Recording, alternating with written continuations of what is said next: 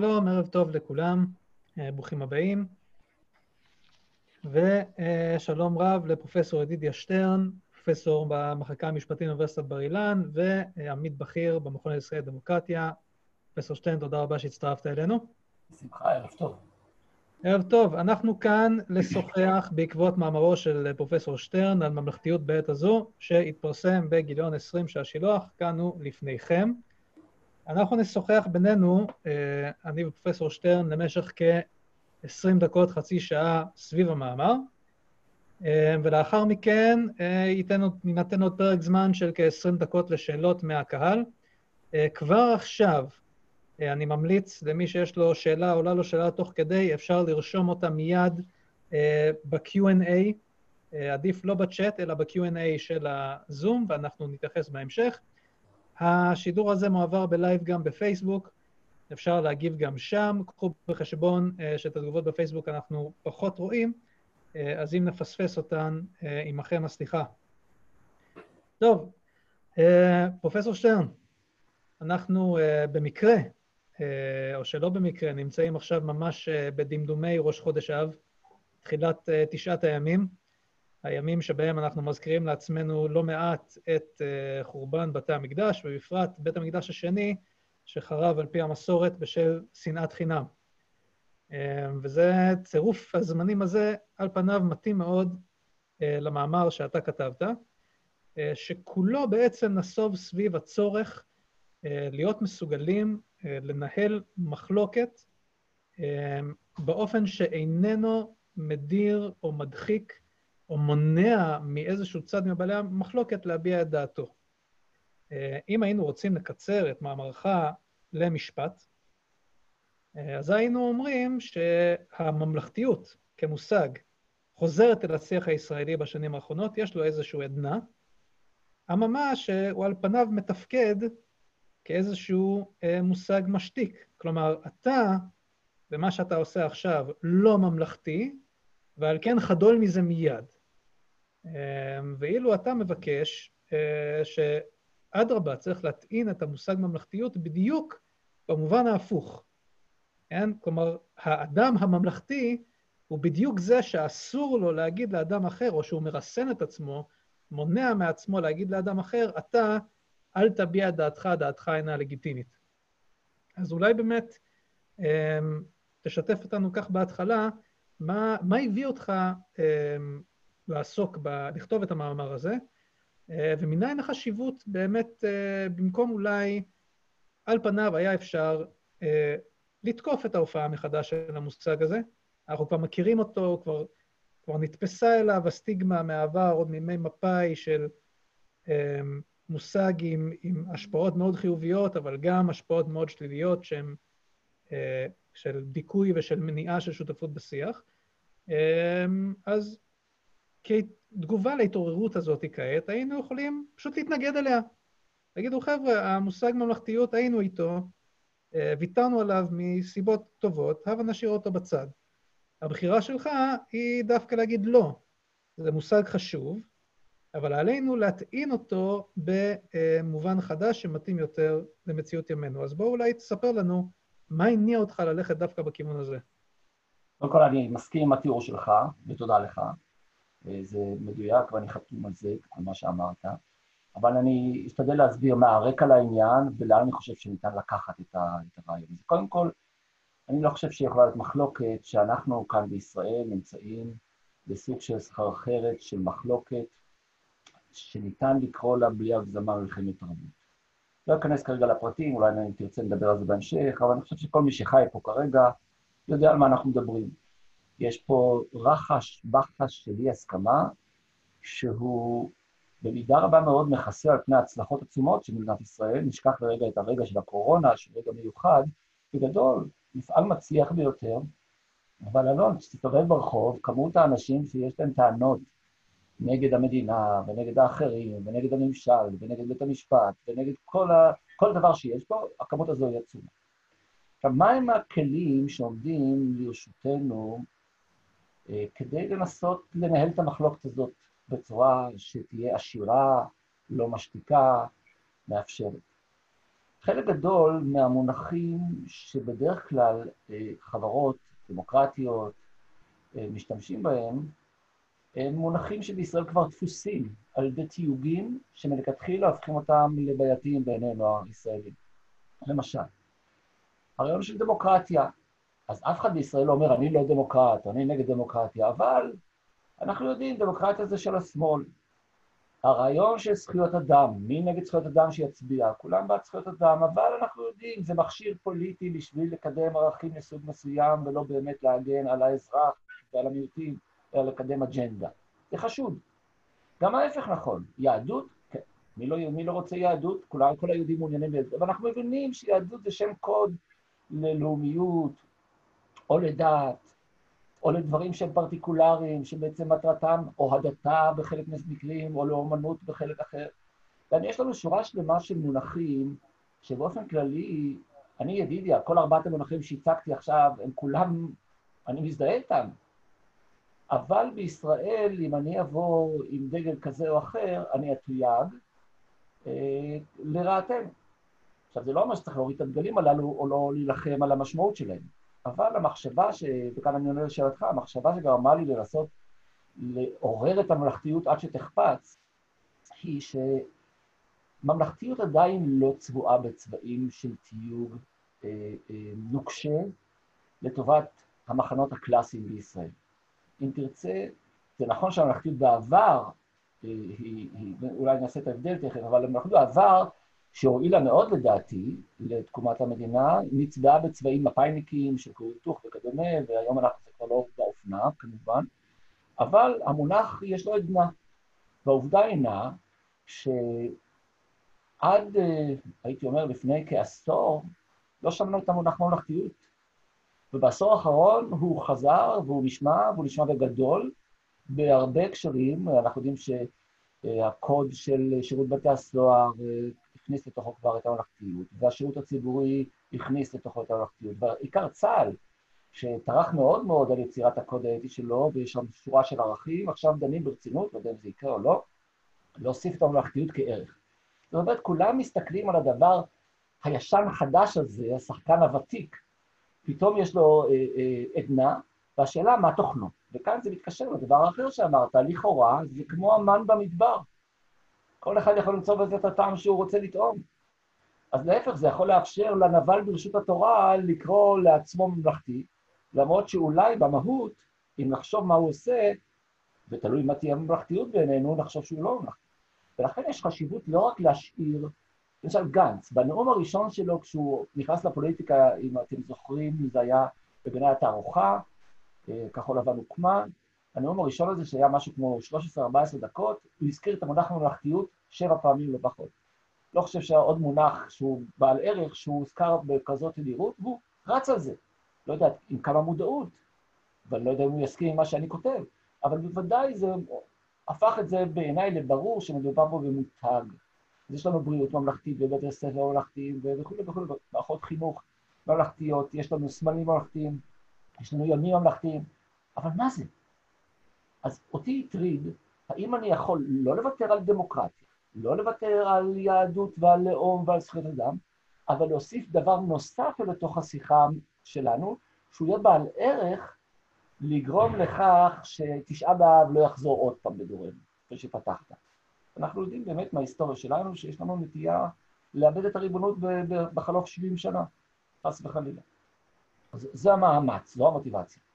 אז באמת, אה, בהתקשר לבעיה שאתה ציינת בדבריך, שכל ממלכתיות זה מין, כל אחד יכול לעשות ממלכתיות כפי שהוא חפץ, כן, כמו המן, כפי שבמשל שלך, אה, ואתה מנסה להתגבר על זה בצורה מעניינת, שאתה בעצם בא ואומר, חבר'ה, את המושג ממלכתיות אין לטעון באף תוכן ערכי, אלא אך ורק בתוכן צורני. המושג ממלכתיות לא מתייחס לשאלה מה עושים, הוא מתייחס לשאלה איך עושים, ובפרט, איך מנהלים מחלוקות, כן, מבלעדי שאנחנו אה, מונעים מאנשים בעלי עמדות בציבור להיות חלק מהמחלוקת. נכון. בעצם ההצעה שלי לממלכתיות כי לומר ממלכתיות זה שם קוד לדרך שבה ננהל את המחלוקת. לא איך נכריע בה.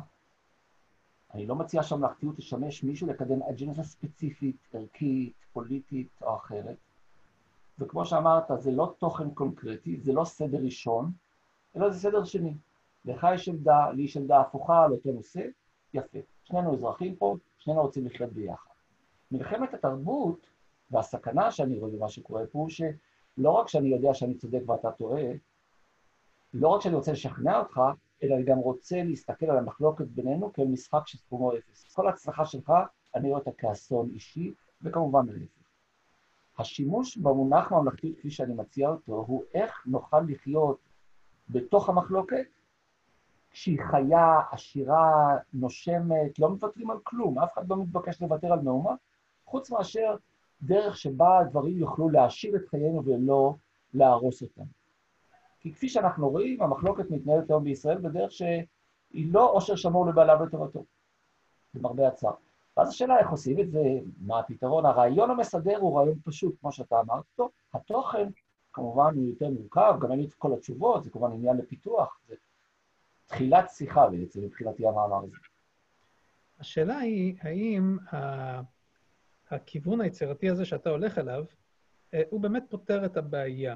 כלומר, האם אי אפשר לשחק גם במסגרת הצורה בלבד, באופן שהוא מדיר בצורה מתוחכמת? ואני אקח דוגמה, אה, תופעה שמאוד מאוד מצויה בשיח הישראלי, שזה האשמה בפילוג. כן? בא אדם ואומר משהו, עכשיו לא תוקפים אותו על התוכן, תוכן אולי, לך תדע מה התוכן, אבל אומרים לו, מה שאתה נוקט בו כעת, זה מעשה מפלג. כי מכיוון שאתה מעביר ביקורת על כך וכך זה מפלג, או מכיוון שאתה אה, פוגע במישהו בדבריך זה מפלג. וכן, מין, מין אמירה כזאת, שהיא כבר בקלות יכולה להפוך לאיזה מין כלי סל ללקט את העמדות שאנחנו רוצים לעשות להן דה-לגיטימציה, על פניו יכולה ליפול תחת הקריטריונים של ממלכתיות כצורה. כי הנה, אנחנו מגנים על היכולת לנהל ויכוח שהוא בלתי מדיר בזה שאנחנו מדירים את המפלגים, כן? שחותרים תחת המאמץ הזה. כשאתה קורא את הגברה, ואין שם אף פעם הסכמה, רק מחלוקת, האם אתה למדת ולמדת וקראת, האם אתה יוצא משם עם, מחלק, עם מחשבה שיש שם הורדת ידיים שתחומה אפס? אני חושב שלא. יפה. מה, מה הטריק? מה, למה שם? זה רחוק מאיתנו, זה לא אנחנו, אני מבין. עדיין, התחושה היא נעה שלמעט מקומות מאוד מיוחדים, יש כמה מקומות שבהם יצרים יוצאים, גם בקריאה של הגמרא, אבל זה כל כך פשוט שאפשר לא להסכים מתוך אהבה. השאלה שלך מניחה שכל אי-הסכמה היא לא רק אי-הסכמה עניינית, אלא גם יוצרת סוג של יריבות. זו בדיוק הבעיה. האם ניתן לנהל בצורה רצינית מחלוקת שלא מתוך יריבות? יש לי תחושה, אלון, שאם אתה ואני ניקח נושא ספציפי כלשהו שהוא מחלוקת בישראל היום, נוכל לא להסכים, לא עד זוב דם, אבל נוכל לא להסכים ולכבד אחד את השני. איך מתרגמים את זה בצורה ריאלית, טופית, כמובן קל לומר, הנה אמרתי את זה במשפט, איך מתרגמים את זה לכללים? איך הופכים את זה לתרבות? אתה יודע, האמריקאים, אה, הסיסמה שלהם, לפחות בעבר, עד שהגיע טראמפ, תמיד הייתה divided we stand. מה זה אומר divided? אנחנו חלוקים, סליחה, united we stand, נכנסתי את זה. united we stand. אני מבקש שאנחנו נחיה לא כמו אמריקאים, אלא כמו יהודים שחיים במחלוקת, עם divided we stand. דהיינו מתוך מחלוקת, but we stand. אני לא חושב שזה בלתי אפשרי, אני חושב שכרגע זה נראה מרוחק, אני לא חושב שזה מופרך להציג את זה כיעד שעל פיו אנחנו שופטים את עצמנו ואת זולתנו. כל אחד בהקשר שבו הוא מתפקד. אם אני למשל אקדמאי שיש לו קול מסוים בציבור, אם אתה תמצא שאני מאשים את מתנגדיי בבגידה, או אם אני עושה להם דמוניזציה, או אם אני עושה להם דה-לגיטימציה, תאמר, אתה לא ממלכתי ידידיה. אתה מנסה לעשות דבר שלא עומד בקריטריונים שאתה חושב שהם ראויים. וכשאני מפנים את זה, ואני כל הזמן כותב וכל הזמן מדבר ומתראיין, אני לוקח על עצמי את האחריות לא ליפול בפח הזה. אני חושב שכולם צריכים לעשות את זה, כן. אז בואו נדבר באמת על, אה, על איך, איך מנסים לגרום לחזון הזה להגיע למציאות. כי על פניו יש יותר מכמה דברים אה, שמונעים אותו. אה, אגב, כהתחלה לזה, אה, אני רוצה לשתף אותך בתיאוריה שנתקלתי בה לגבי פילוג וקיטוב חברתי. אה, כי הרי זו תופעה שמתרחשת לא רק בישראל, אנחנו רואים את זה ברחבי העולם בכל מיני קונוטציות, ודאי בארצות הברית, אבל גם בבריטניה ובאירופה. אה, והטענה נטענת כך, מה שמתרחש ברוב מדינות העולם כרגע זה ירידה של המחלוקות.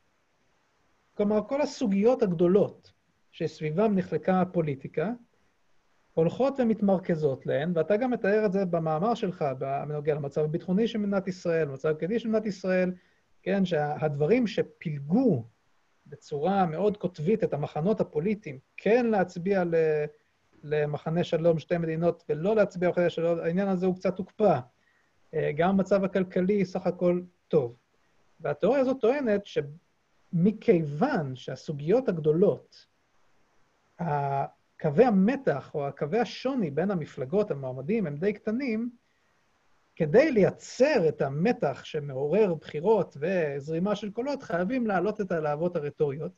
אה, התיאוריה הזאת, אגב, בדרך כלל גם באה עם טענה שלא צריך להתרגש יותר מדי מהקיטוב החברתי, כי הוא בעיקר ברמת השיח ולא ברמת האנשים.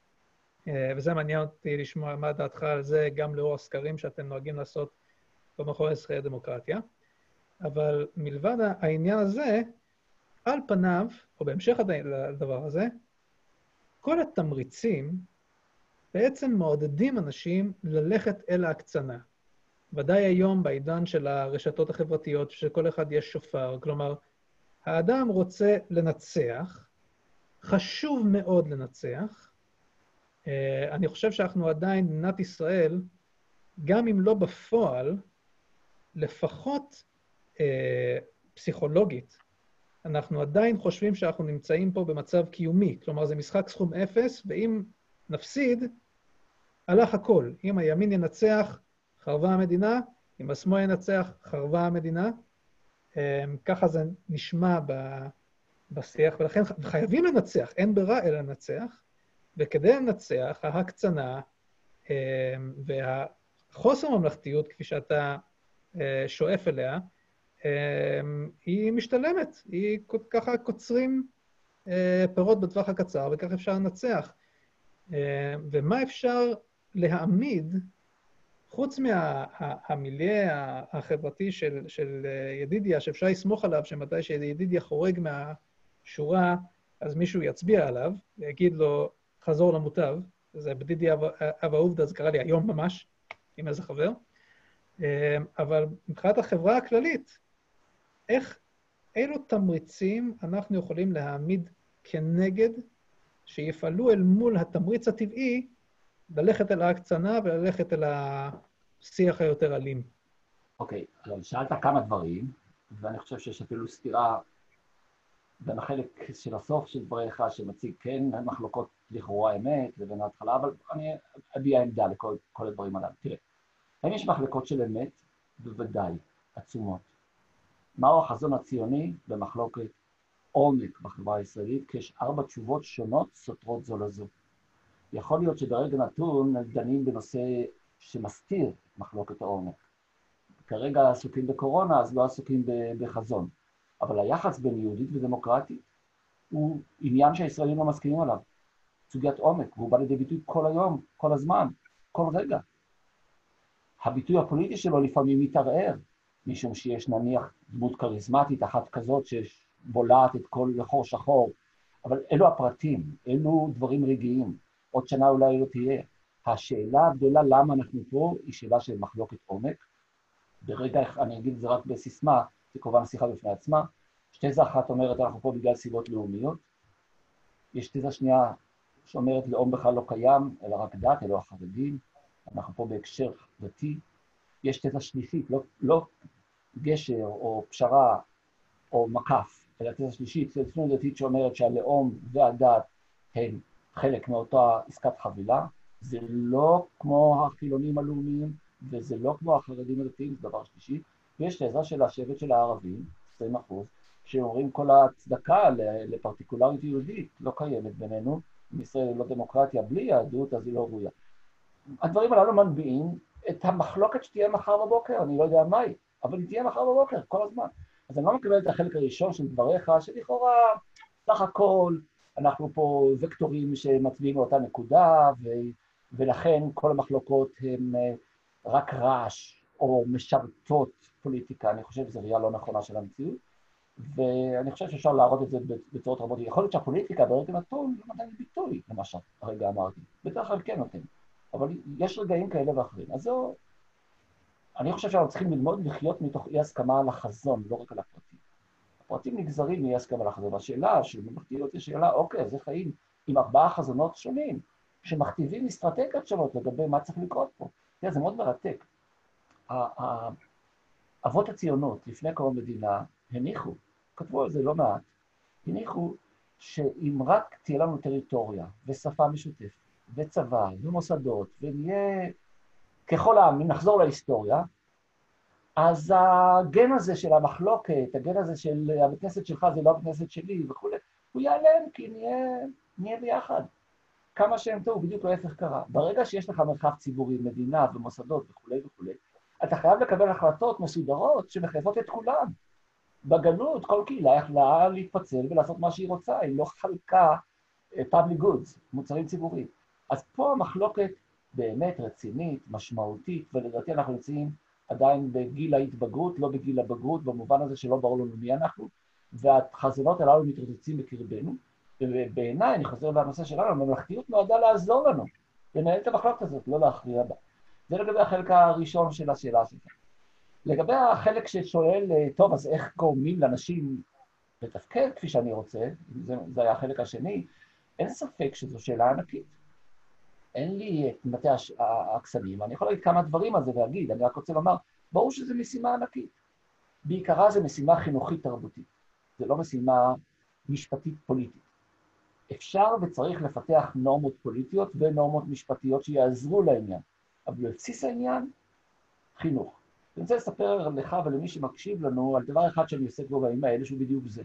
אגב, מסכת תענית, אם מדברים על תשעה ימים, מדברת על, על חוני, אם אתה זוכר, שהלך וראה אדם שנוטע חרוב, ואמר לו, מתי ייתן פירות? והוא אמר לו, עוד 70 שנה. ואז הוא אמר לו, אז למה אתה נוטע את החרוב? אתה אדם מבוגר, אתה לא תהיה בעוד 70 שנה פה. הוא ענה לו, דורות שלפניי נטו, אז גם בעניין הזה אני חושב שמותר וצריך אה, לפעול בשער רוח ובאורך רוח כדי לקדם את הרעיון הזה. עכשיו, אני אגיד דוגמה למה שאני כרגע עושה. הייתי שנים ראש ועדת מקצוע אזרחות במשרד החינוך, שהיא בעצם עוסקת בתכנון הלימודים שילמדו תלמידי ישראל בבית ספר תיכון, במקצוע שהוא היחידי שעוסק בדברים הללו, והוא היחידי שגם נלמד בכל, ה, בכל המערכות החינוך בזרמים השונים, למעט החרדי, ששם בכלל לא לומדים. הבנות כן, הבנים לא. בתור ראש המקצוע, זה שקובע את הסילבוס יחד עם ועדה, אבל עומד בראש הוועדה, כל מה שרציתי הוא לא להכריע מה ילמד ומה לא ילמד, אלא שכולם ילמדו את אותו דבר, כדי ליצור איזה סוג של שיחה משותפת. לא הצלחתי. דוגמה מאוד, מאוד מוחשית. לקושי שלנו להסכים אפילו לא על התכנים, אלא על זה שצריך שיהיה דבר אחד, לא, הדתיים רוצים ללמוד מה הרב קוק אמר על מדינת ישראל, והערבים אומרים בלי נכבה לא נגיע לשום מקום, וכולי וכולי וכולי, ואפילו באזרחות, לא בהיסטוריה, ששם ברור שיש היסטוריה שונה. מה אני עושה בימים אלו שהוא סוג של תשובה, אנחנו מכינים עכשיו אה, קורס שיינתן להשכלה גבוהה בישראל, לכל התלמידים, בעוד שנתיים, לכל התלמידים שלומדים לתואר ראשון בישראל, שיעסוק בדיוק בזה, בדילמות השונות, איך אפשר להבין את העמדות השונות בכל הדילמות הגדולות של ישראל, שזה דת ומדינה, ושזה לאום, ושזה מש... אה, אה, עניינים של פערים חברתיים, כשהמטרה היא לאו דווקא הידע, הידע הוא חשוב. המטרה היא לגרום לכל אחד להבין את הלגיטימיות של העמדה שאני בכל ליבי לא מסכים. עכשיו, תאר לך שזה היה חלק מה-DNA שלנו, להפוך את זה כתיקון בעברנו. אני חושב שזה מה שנדרש. עכשיו, איך מתרגמים את זה לקוריקולום? איך עושים את זה בפועל? האם אדם ייבחר פוליטית? שאלת בצדק, העידן של האקו צ'מבר, של שיחה שאני צריך רק עם החברים שדומים לי, אה, בגלל הרשתות החברתיות כמובן מאוד מקשה על כל העניין הזה, זה האתגר, זה האתגר. אז באמת, רציתי לשאול אותך בהקשר הזה, כי עכשיו שאתה מתחיל לתאר את הפעילות שאתה באמת עושה, כי אתה מתאר במאמר שלושה רמות שאליהן צריך להתייחס בדיון על ממלכתיות.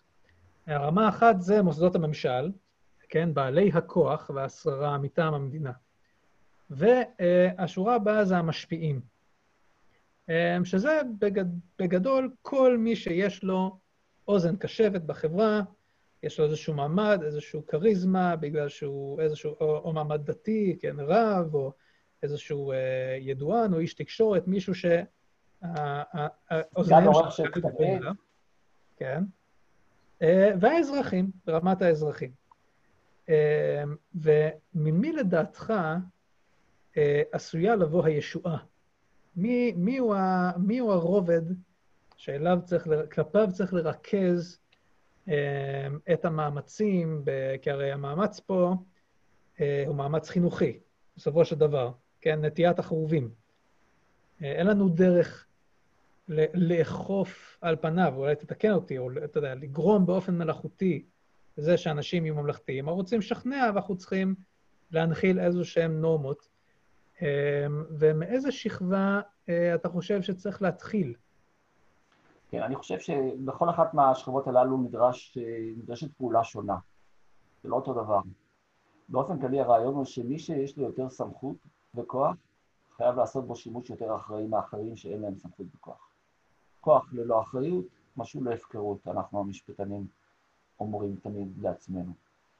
ולכן, המדינה, או בעלי סמכות מטעם המדינה, הם בוודאי בעלי כוח כופה, הם משתמשים בסמכות המדינה, הלוויתן, כדי לקדם את מה שהם רוצים לקדם, לכן שם האחריות צריכה להיות יותר גבוהה, ולדעתי, שם ניתן להתערב בדרך נורמטיבית בשימוש בכוח. למשל, כללים אתיים. מה מותר ומה אסור? קח דוגמה, בואו לא נלך אל הברור מאליו, בואו נלך נניח שירות הציבורי. שירות הציבורי יש לו המון משמעות בחיינו, כל מה שנקרא הפקידים. מהם כללי ההתנהגות הראויים לפקידים תחת הכותרת הזאת של ממלכתיות, על פי מה שאני אומר? אני חושב שאת זה ניתן לנסח, וגם מנסים לנסח.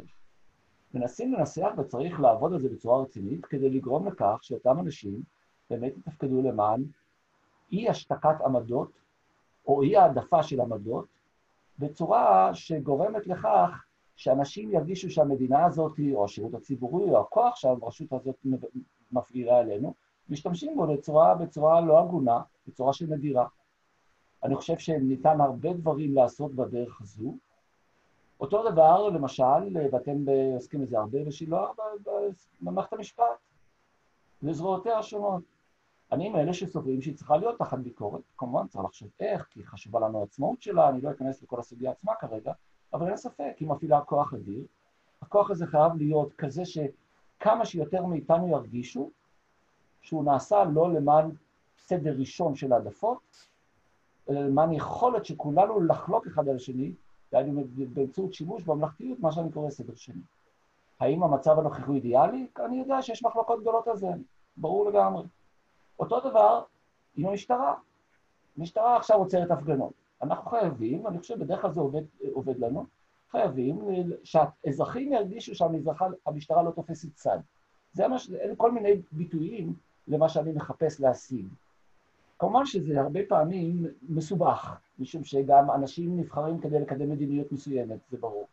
ואז הם לא מהאו"ם, הם נבחרו בשביל להשיג משהו. והמתח הזה, אנחנו מכירים, הוא מתח רציני, ואני לא, במאמר האחד הזה לא מנסה לפתור את כל המתחים הללו, אבל אני שם את, ה, את היעד מבחינת. אז זה במישור הזה. במישור של המשפיעים, ברור שכל אחד, רב, עיתונאי, פרופסור, יש לו חופש ביטוי. מי אני שנגיד לו, בגלל ממלכתיות אל תתבטא. ברור שלא זו הכוונה.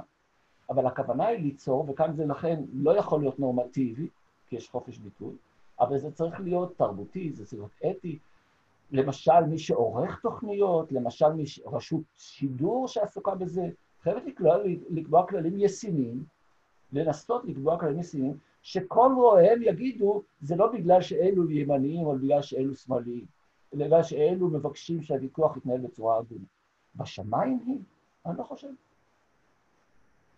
על פניו, הדוגמאות הנורמטיביות שנתת לגופי הממשל, הן כבר קיימות. כלומר, יש לנו מושגים של אה, ניגוד עניינים. אה, ודאי, ודאי אפשר להגיש קובלנה על איש ציבור אה, אם, אם מתעורר על גביו איזשהו חשד שהוא עכשיו מקדם עמותות שקשורות למגזר שלו, או איזשהו בעל אינטרס, שהוא מטה את פעולת המערכת לכיוון תוצאה מסוימת. לכאורה כל הכלים האלה בנמצא, גם לגבי המשטרה, לכאורה כל הכלים האלה בנמצא. Uh, התחושה בציבור, כן, זה, יש מושג האמון שמופיע לא מעט במאמר שלך, לא נגענו בו, אולי ניגע בו, התחושה בציבור ש, שאין אמון במערכות האלה, לא בגלל שהן לא קיימות, אלא בגלל שכן, אין תרבות נלווית של הפעלת המערכות האלו. כלומר, uh, זה, נכון. זה סך הכל מקובל לנהוג ככה, ו- ואף אחד רודף אחרי זה. אתה צודק, אלון, אני מסכים. בוא ניתן לך דוגמאות מהשבוע. כן? כפי שאתה יודע, החדשות נועדו לאפשר לנו אה, להביא דוגמאות. אז כאן מלא דוגמאות. למה אייזנקוט או בנט אינם צרי אה, הקורונה? מסיבות ענייניות. רוב הציבור וגם אני בתוכם, לא יודע מה המאזינים שלך חושבים, אני חושב שזה מסיבות לא ענייניות. אני לא יודע אם באמת הם הכי טובים או לא, אבל ברור לי שהם לא שם מסיבות שקשורות לפוליטיקה. זה לא ממלכתי, כדוגמה מעשית. דוגמה שנייה, שמעתי את uh, יושב ראש הקואליציה, אני מדגיש בכבוד, יושב ראש הקואליציה, אומר שהוא עם שלושת הכ"פים, כבוד, כוח וכסף. הוא אומר את זה, לא רק חושב את זה. זה בדיוק ההפך ממה שאני מדבר עליו כרגע. זה יושב ראש הקואליציה. עכשיו, אני לא רוצה דוגמאות רק מימין, כי יאשימו אותי, אז אני, יש גם דוגמאות הפוכות, למשל, השר אלקין, שר ההשכלה הגבוהה, עשה מה שעשה, אמר מה שאמר, עוד לא עשה כלום, אמר מה שאמר, לגבי השכלה גבוהה, אני לא יודע כמה המאזינים שלנו יודעים, אני מאמין על רשת אקדמיה, עשרות ויותר מעשרות תגובות קיצוניות, לא מדבר על ההתפטרות של נשיא אוניברסיטת חיפה, שלא התייחסו לגופו של עניין, אלא הניחו שזה אלקין, ולכן ברור מאליו שיש פה אג'נדה רעה. אני חושב שההתנגדות, אפשר להסכים או לא להסכים מה שהוא עשה, כמובן, לא זה העניין. התגובה הייתה לא, לא ראויה, לא מידתית, מביעה מחלוקת פוליטית ולא מחלוקת עניינית. ועוד הנה היחס לאוניברסיטת אריאל, דרך אגב. אותו דבר. אז המועמדת החדשה לוועדה למינוי שופטים אמרה, אני רוצה שופטים ליכודניקים. אני לא רוצה להוסיף מילה. הבעיה עצומה. הבעיה עצומה, ואני אומר שוב, היא לא מאפיינת רק את הימין, כרגע הימין הוא יותר חזק, אז יש יותר דוגמאות משם. אני אומר את זה באמת בלב מלא, זה נכון לכל הכיוונים. עכשיו, זה הכרחי שהדיסקט הזה יוחלף בדיסקט אחר, אני מסכים איתך שיש כבר כללים, אני לא חושב שהם מספיקים, הם בוודאי לא מיושמים בצורה מספיק טובה, אבל אני שם את זה על השולחן. יש כאן איזשהו תהליך של ביצה ותרנגולת, שמאוד קשה לזהות איפה, איפה הנקודה שצריכה להתחיל. כלומר, על פניו, בתיאוריה הדמוקרטית הרי, הם, נבחרי הציבור הם אחריותיים ומפחדים מהמצביעים. ולכן ההיגיון אומר שאנחנו צריכים לפנות אל האזרח המצביע, שהוא ישקף את מורת רוחו כלפי מעלה ולא יתגמל את מי שמתנהג בצורה כזו או מתנהג בצורה אחרת. אבל שם אתה נכנס לתסבוכת של האם באמת יש לך כוח לחנך את האזרחים ולהגיע אליהם, ולכן יש מי שיטען שאולי צריך ללכת דווקא אל המשפיעים, כאל איזה מין גוף ביניים, שכאילו, שנבחרי הציבור מסתגלים על, עליהם כמי שמשקפים את הציבור ואז אם אפשר לפתח מיליה כזה שלוחץ כלפי מעלה, אפשר לעורר um, איזשהו שינוי, um, אבל מצד שני גם הם קשובים לאדם לא, הפשוט. לא, אין, אין סיבה לבחור. למה שלא נעשה את הכל? נעשה חינוך לאזרחים ככל האפשר, אני קורא לכולנו להשתתף בתוכניות כאלה. יש תוכניות כאלה, זה לא נכון שהבור ריק ואין בו מים, רק... אה, יש הרבה תוכניות שבכל זאת, המונח ממלכתיות כאמור לא נגוע לרעה, ואני יודע שיש ארגוני מנהיגות רבים שמשתמשים בו, בצה"ל כל הזמן מדברים זה לא שזה עניין ריק, אבל זה לא סותר את הצורך לתגמל פוליטיקאים ממלכתיים, זה לא סותר את הצורך ליצור כללי התנהגות, כולל נורמות מחייבות, כשמדובר בהפעלת כוח פורמלי של המדינה, זה לא סותר את הצורך לגרום לכך שמערכת המשפט לא, לא תיתפס כשחקן, אלא כמישהו מחוץ למשחק, סדר שני, כמו שאמרתי מקודם. כל הדברים הללו הם צריכים לעשות במקביל, אני לא מציע לוותר על שום דבר, כל אחד יעשה כפי יכולתו במקום שבו הוא נמצא. אני בסופו של היום מרגיש את עצמי כאיש חינוך. האצטלה שלי היא משפטית, אבל בסופו של דבר אני חושב שזו המשימה, ומשתדל לעשות את זה. אז בואו אולי באמת ניכנס טיפה לאצטלה המשפטית, אה, כי את חלקו השלישי של המאמר, אה, נתח ממנו הוא בעיקר בתוך ה... או מאוד נגוע בספירה המשפטית, אה, ששם אתה מדבר על התופעה של חלחול שיח הזהות אל תוך שיח הזכויות. אתה מזהה את זה כמוקד שהוא מאוד מאוד מסוכן לממלכתיות שאתה רוצה לקדם. וזו בגלל ששיח הזכויות, שהוא שיח משפטי בעיקרו, הוא שיח שההיגיון הפנימי שלו הוא היגיון של הכרעה. זה בדיוק משחק הסכום אפס, שצריך להכריע לטובת צד אחד, יש את צד הצודק והצד שאינו צודק, יש את מושג הזכויות, וזכויות, uh, כפי שקבע uh, רונלד וורקין, כן, rights are trumps. מי שיש לו את הזכות בידו הוא מנצח, ולא צריך עכשיו יחלוקו ויתפשר, זה, יש איזה משהו, זה חד משמעי.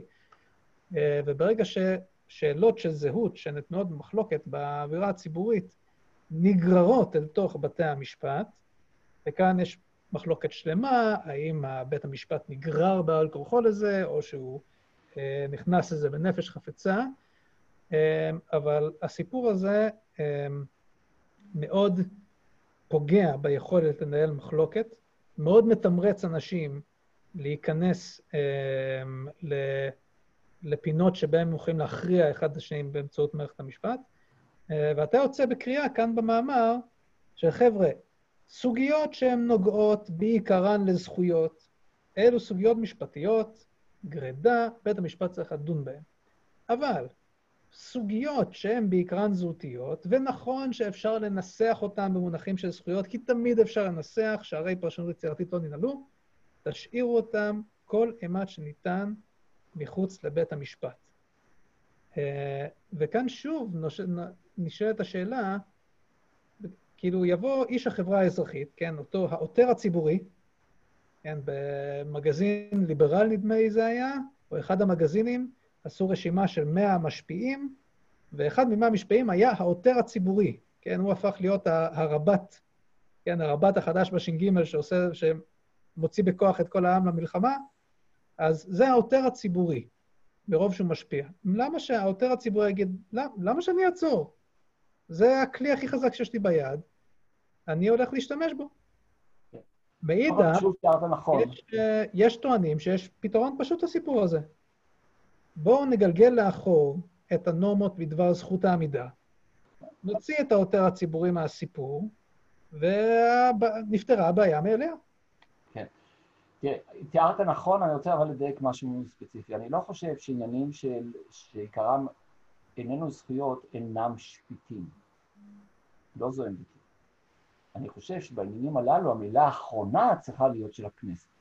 דהיינו, השיחה ש, ש, שאנחנו משוחחים כרגע לגבי ההבדל בין שיח זכויות לשיח זהות, קשורה לשאלה למי צריכה להיות המילה האחרונה, מי מכריע בסופו של היום. גם שאלות של זהות מגיעות לבית משפט, אבל אני לא חושב שבית משפט שאיננו ייצוגי אלא מקצועי, הוא המקום המכריע הסופי. בעצם מה שאני מציע הוא שפסקת ההתגברות, אם תהיה פה, לא תהיה בעניינים של זכויות, שעיקרם זכויות אדם, זכויות מיעוטים וכדומה. אני לא חושב שזה נכון לסמוך על הרוב בכנסת שהוא יעצור את עצמו מפני פגיעה במיעוטים או בזכויות אדם, כשהדבר אה, תואם את רצונו של הרוב. אני לא סומך עליו, ולכן אני רוצה ששם תהיה ביקורת שיפוטית, כפי שיש היום. אבל אני כן מציע איזון חדש, הוא אומר, בעניינים שעיקרם הדבר המרכזי שבהם הוא באמת מחלוקת על זהות המדינה, על המרחב הציבורי, אני יכול לתת דוגמאות, במקרים כאלה זה שפיט, בית המשפט יכול לדון בזה, אבל אם הכנסת תחליט אחרת ממה שבית המשפט מחליט, so be it. אני רק רוצה לומר לך ולמאזינים שלנו, לצופים שלנו, שהצעה ברוח הזו, לא מוגדרת ככה, אבל הצעה ברוח הזו כבר קיימת, והצעת המכון הישראלי לדמוקרטיה לחוקה בהסכמה, אני שם אה, הכנסתי אותה בראשות השופט או הנשיא, זיכרונו לברכה, שמגר, שעניינים של דת ומדינה, ברור שיש זכויות בני אדם שנפגעים במתח הזה, זה ברור, אבל אני לא חושב שזו הסוגיה האמיתית בסוגיה דת המדינה, אלא האופי של המדינה. שם אני חושב הכנסת צריכה להיות אה, אה, המכריעה הסופית. עכשיו לשאלתך, אה, בעניין הזה, האם ספציפית עוצר ציבורי ראוי או לא, יש לי שורה שלמה של הצעות, שאני חושב שצריך לדון בהן כמכלול. אני אסביר ברשותך במילה אחת. האיזון הנכון בין הפוליטי והמשפטי בישראל איננו ראוי. נכון להיום, כמעט כולם או נאחזים בקרנות המזבח אל תיגעו, או רוצים מהפכה. מהפכה לכל הקו. אני הקטן חושב שטעות משני הצדדים. נדרש איזון חדש, אבל האיזון החדש הזה צריך להיות נבון, במובן הזה שעל השולחן צריך לשים, זה משוואה עם הרבה נעלמים. צריך לשים כמה דברים. עותר ציבורי זה אחד מהם. אבל אי אפשר לדון בו בנפרד. צריך להבין מהם המשתנים במשוואה הזאת. ויש לי מחשבה, זה לא כרגע לשיחה, זה דבר יותר מורכב כמובן, יש לי מחשבה על איך ניתן לאזן. אף אחד לא יהיה מבסוט. כולם יסכימו, אני מאמין, שהאיזון הזה יותר טוב ממה שהאחר חושב. דהיינו, זה לא פוגע בציבור הנפש, לדעתי, אה, של הרוב המכריע, משפר את המצב לכולי עלמא. לזה צריך לחתור, אם אתה ממלכתי, אם זה מה שאתה רוצה להשיג. כן, זה מחזיר אותנו לנושא שלנו. עכשיו, במסגרת זו, אני לא רוצה להתייחס דווקא ליותר ציבורי, כי מה שאני אומר יובן לא נכון. זה תלוי בהרבה דברים, זה תלוי בעוד דברים, אבל אני מסכים איתך שהשימוש ביותר ציבורי פתח את שערי uh, בג"ץ לכל השאלות, וזה אחת מהסוגיות המרכזיות שצריך לטפל בהן, אני בהחלט uh, מסכים בעניין הזה. אכן, טוב, בהחלט יש הרבה מה להרחיב uh, בסוגיה הזו ובסוגיות אחרות, אבל uh, בכל זאת מתחילים לגלות לנו קצת שאלות כאן מהקהל, אז אנחנו נאפשר לאנשים לשאול. Uh, אז יש לנו כאן את מיכאל, uh, ששואל בנוסח הבא, אני אקריא, בארגונים רבים העוסקים במושג הממלכתיות, ישנה נטייה לשיחה על נרטיבים, המוביל באופן כמעט מוכרח להתנצלות ולקבלה, ואולי הנכחת יתר של תפיסות אנטי-ציוניות. והוא שואל, כיצד ניתן לשמר זהות יהודית ציונית בעולם של ממלכתיות? אה, ואני אולי אוסיף, אתה אפילו באחד הנקודות במאמר שלך, אה, עמדת על הנקודה, דווקא מול, אה, בתיאור של, מול בן גוריון, שיש איזשהו מתח בין ממלכתיות, שהיא דת אזרחית ועיקרה, כן? לבין, לבין תפיסות לאומיות ומסורתיות, כן? אה, הסנטימנט הלאומי והמסורתי, אתה כותב, של מפלגות השלטון החדשות, אתה כאן מדבר על לאחר המהפך של 77', לא טעם את הדת האזרחית שהציע בן גוריון באמצעות הממלכתיות. נכון. כלומר, על פניו יש כאן איזושהי סתירה בין ממלכתיות ללאומיות, וזה על פניו, אם נמשיך את ההיגיון הזה, אה, שם את הממלכתיות באיזושהי התנגשות עם, עם הרזון דט של מדינת ישראל. מדינת ישראל הוקמה על מנת להיות אה, מדינת הלאום של, של העם היהודי, אה, אם זה קידום אינטרסים מיוחדים של העם היהודי, ומכוח זה יש לנו חוקים שהם שנויים במחלוקת בהקשרים מסוימים של חוק השבות, אה, פרויקטים כמו ייהוד הגליל, שבעקבות פסיקת בג"ץ פחות או יותר בוטלה או יותרה. אוקיי. אלון, כל הדוגמאות הללו הן מסדר ראשון. טוב שאתה מעלה אותן, משום שזה בדיוק מה שאני רוצה להבהיר פה. גם מה שמיכאל אמר וגם מה שאתה אומר, כל הדוגמאות הללו לא נוגעות למה שאני אומר כלל ועיקר. בן גוריון, בזמנו, נכון, קידם דבר ספציפי מסדר ראשון, דהיינו, הוא רצה שזה יהיה ככה ולא אחרת. לא דיבר רק על המסגרת, אלא דיבר על הערך שהוא רוצה לקדם. אני מזכיר לך את תחילת השיחה שלנו. מה שאני מציע הוא בדיוק ההפך. אני אומר, לא, זה לא בעד או נגד לאומיות, זה לא בעד או נגד תפיסה מסוימת של איך המדינה צריכה להיראות, זה בכלל לא הנושא. מי יחליט איך המדינה הזאת תיראה כך או אחרת, אם היא תהיה ציונית או לא? האזרחים. כמו, כמו שברור מאליו, אם רובם רוצים X, אז X יהיה. כל זה לא קשור לאיך שאני מדבר עליו. האיך שאני מדבר עליו הוא איך הרוב שרוצה X חי עם המיעוט שרוצה מינוס X. האדם הממלכתי, האדם הממלכתי, האם אדם ממלכתי מסוגל לתמוך אה, בסעיף לחוק הלאום, לא שאדם שרוצה לבטל את אופייה של מדינת ישראל כמדינת הלאום של העם היהודי, לא יוכל אה, להיות מועמד לכנסת. אלון. לצורך העניין. יש דרבי בכדורסל בין הפועל למכבי תל אביב מאוד מעניין. המשחק השלישי והמכריע. אתה תשאל את השופט את השאלה שעכשיו שאלת אותי, אתה סך הכל רוצה שמכבי תנצח? אתה רוצה שהפועל תנצח? זה נשמע מוזר. הוא אחראי רק שהכדור יהיה על פי הכללים. אותו דבר גם פה, קל להבין. בהחלט יכול להיות שיש דעה שאתה חושב שהיא נוראה ואיומה, הדעה של הזולת. וההפך גם כן נכון. הממלכתיות לא, לא, לא עוסקת בכלל בשאלה מי צודק. היא לא אומרת שאתה טועה, והיא לא אומרת שאתה צודק. היא אומרת איך תחיה עם הדעה של האחר. אם אתה אומר לי, לא, אני לא רוצה להיות ממלכתי כמו שאתה אומר ידידה, אני רוצה להכריע את האחר, אם זה מה שרמוז בשאלה של מיכאל, אנחנו יודעים שנכון זה, ולכן הממלכתיות מאפשרת גם את זה, אם זו הטענה, זה בדיוק מה שאני יוצא נגדו. זה בדיוק הדמוניזציה של הדעה שאני לא מסכים לה. קל, קל להבין, אני רוצה סולידריות בין אנשים שלא מסכימים על היסודות. אני טוען לפניך ולפני המאזינים שלנו, שזה הדבר שימנע את חורבן הבית. לא הסכמה איתו. לא לטשטש את המחלוקת, אבל להבין, תסתכל על האצבע שלי. זה אני, זה אתה, זה מיכאל, זה מוחמד. כל אחד מאיתנו יש לו השקפה שונה. אבל כדי שיהיה טעם שהאצבע הזאת תחיה, היא צריכה להיות מחוברת אל אגרוף אחד. חוסן לאומי. אם האצבע הזאת סוברת שזו לחלוטין לא לגיטימית, עושה לה דמוניזציה ואומרת שהיא בוגדת, ולכן היא חותרת תחתיה, ואם אפשר היא חותכת אותה, האגרוף לא קיים. זה חורבן בית. אז הממלכתיות לא אומרת שמיכאל צודק עם הלאומיות הציונית או טועה, או ידידיה צודק או טועה, זה לא הנושא בכלל. השאלות הטובות שנשאלות בשביל תראה כמה קשה להעביר את המסר, שלא, אפשר גם להישאר בתור השופט, שקובע את הכללים לניהול המחלוקת. divided we stand. divided. זה הרעיון. אוקיי, okay, עכשיו אנחנו מנהלים מחלוקת, כן, על איך צריכה לראות אופייה של מדינת ישראל. יש לנו ראונד טייבל, שולחן עגול נחמד, ובו אה, אדם טוען שמדינת ישראל צריכה להיות מדינת כל אזרחיה, ואנחנו מתווכחים איתו בנעימות. בסופו של דבר, אחרי זה, אנחנו הולכים אה, לכנסת ומחוקקים חוק יסוד, שמי שמבקש לבטל את אה, אופייה החוקתי היסודי של מדינת ישראל כמדינה יהודית ודמוקרטית, לא יוכל אה, להישבע לכנסת ישראל. האם נעשה כאן דבר מה פסול על פי המודל שאתה. מתאר? כן, אני מתנגד. הדיון נהיה לנו מאוד יפה. נכון, נכון. אז טוב, שאלה במקום. באמת, לדעתי, מזמן, שאסור לפסול, לפסול אנשים שרוצים לרוץ לכנסת. אני הייתי בעד שהרב כהנא ייתנו לו לרוץ בזמנו, ואני בעד ש, שכל ערבי, אני לא רוצה לבחור מישהו כאן אקפח את זולתו, את כולם רוצים לפסול.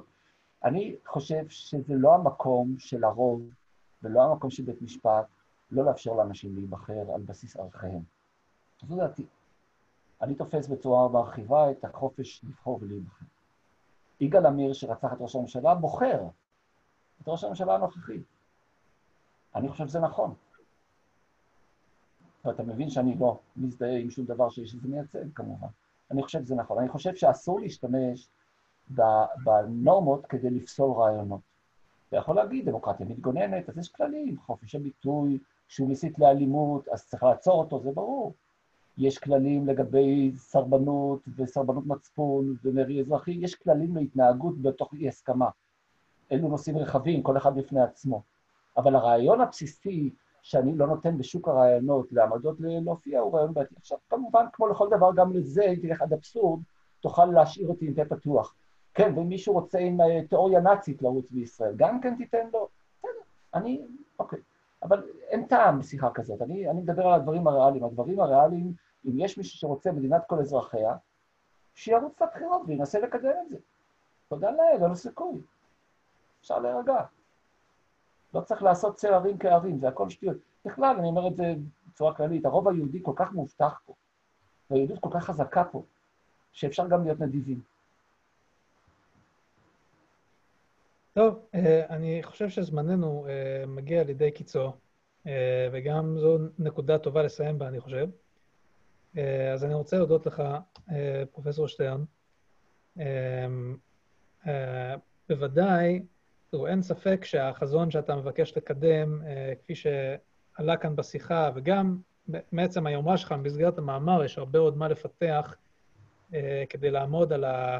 על ה fine-tuning של מה אפשר ואיך אפשר, ואילו קווים אדומים בכל זאת תוחמים, ואיך לא נותנים לקווים האדומים להיות 90% מהספקטרום.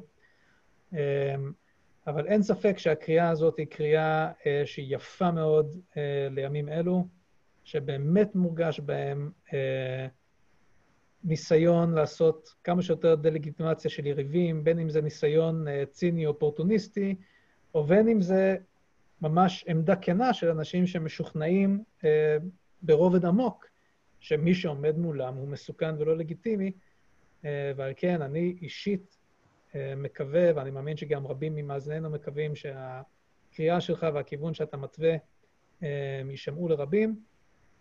אז אה, תודה לך על השיחה, תודה רבה לך על המאמר.